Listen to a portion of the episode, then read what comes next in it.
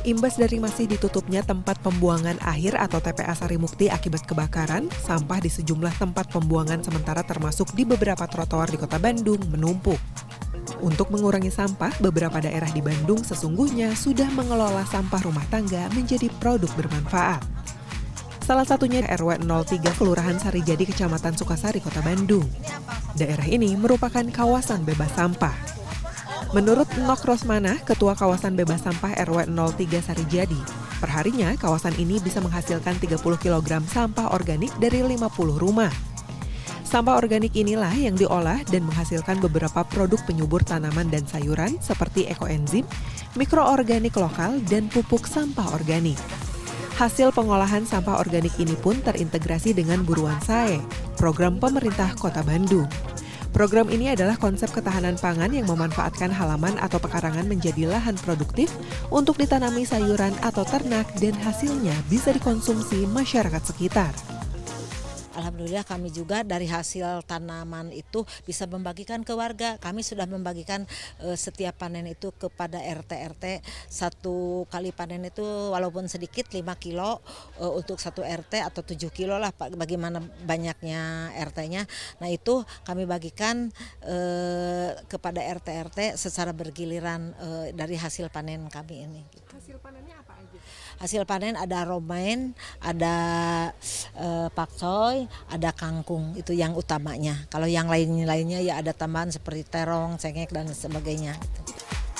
Nok mengaku meski kawasannya menerima sampah anorganik, namun diakuinya tempatnya belum bisa mengolah sampah anorganik sehingga diteruskan ke wilayah lain yang masih berada di kawasan Sarijadi untuk diolah menjadi briket dan dijual ke pabrik batu bara.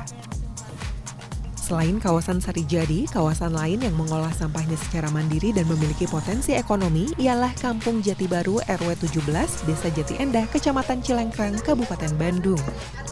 Wilayah ini perharinya mengolah 4 hingga 5 kuintal sampah organik dan anorganik dari 5 RW atau sebanyak 633 kepala keluarga. Menurut Asep, pengelola sampah Kampung Jati Baru RW 17, semua sampah dari mulai aluminium foil, minyak jelantah, plastik hingga sampah sisa dapur, semuanya bisa bermanfaat dengan cara diolah. Di antaranya ialah sampah aluminium foil yang bisa diolah menjadi gas helium, minyak jelantah yang dapat dijadikan sabun, sampah organik bisa dijadikan pupuk kompos organik, dan rongsokan lain dapat dijual ke pengepul. Dalam satu kali penjualan bisa menghasilkan nominal rata-rata Rp700.000.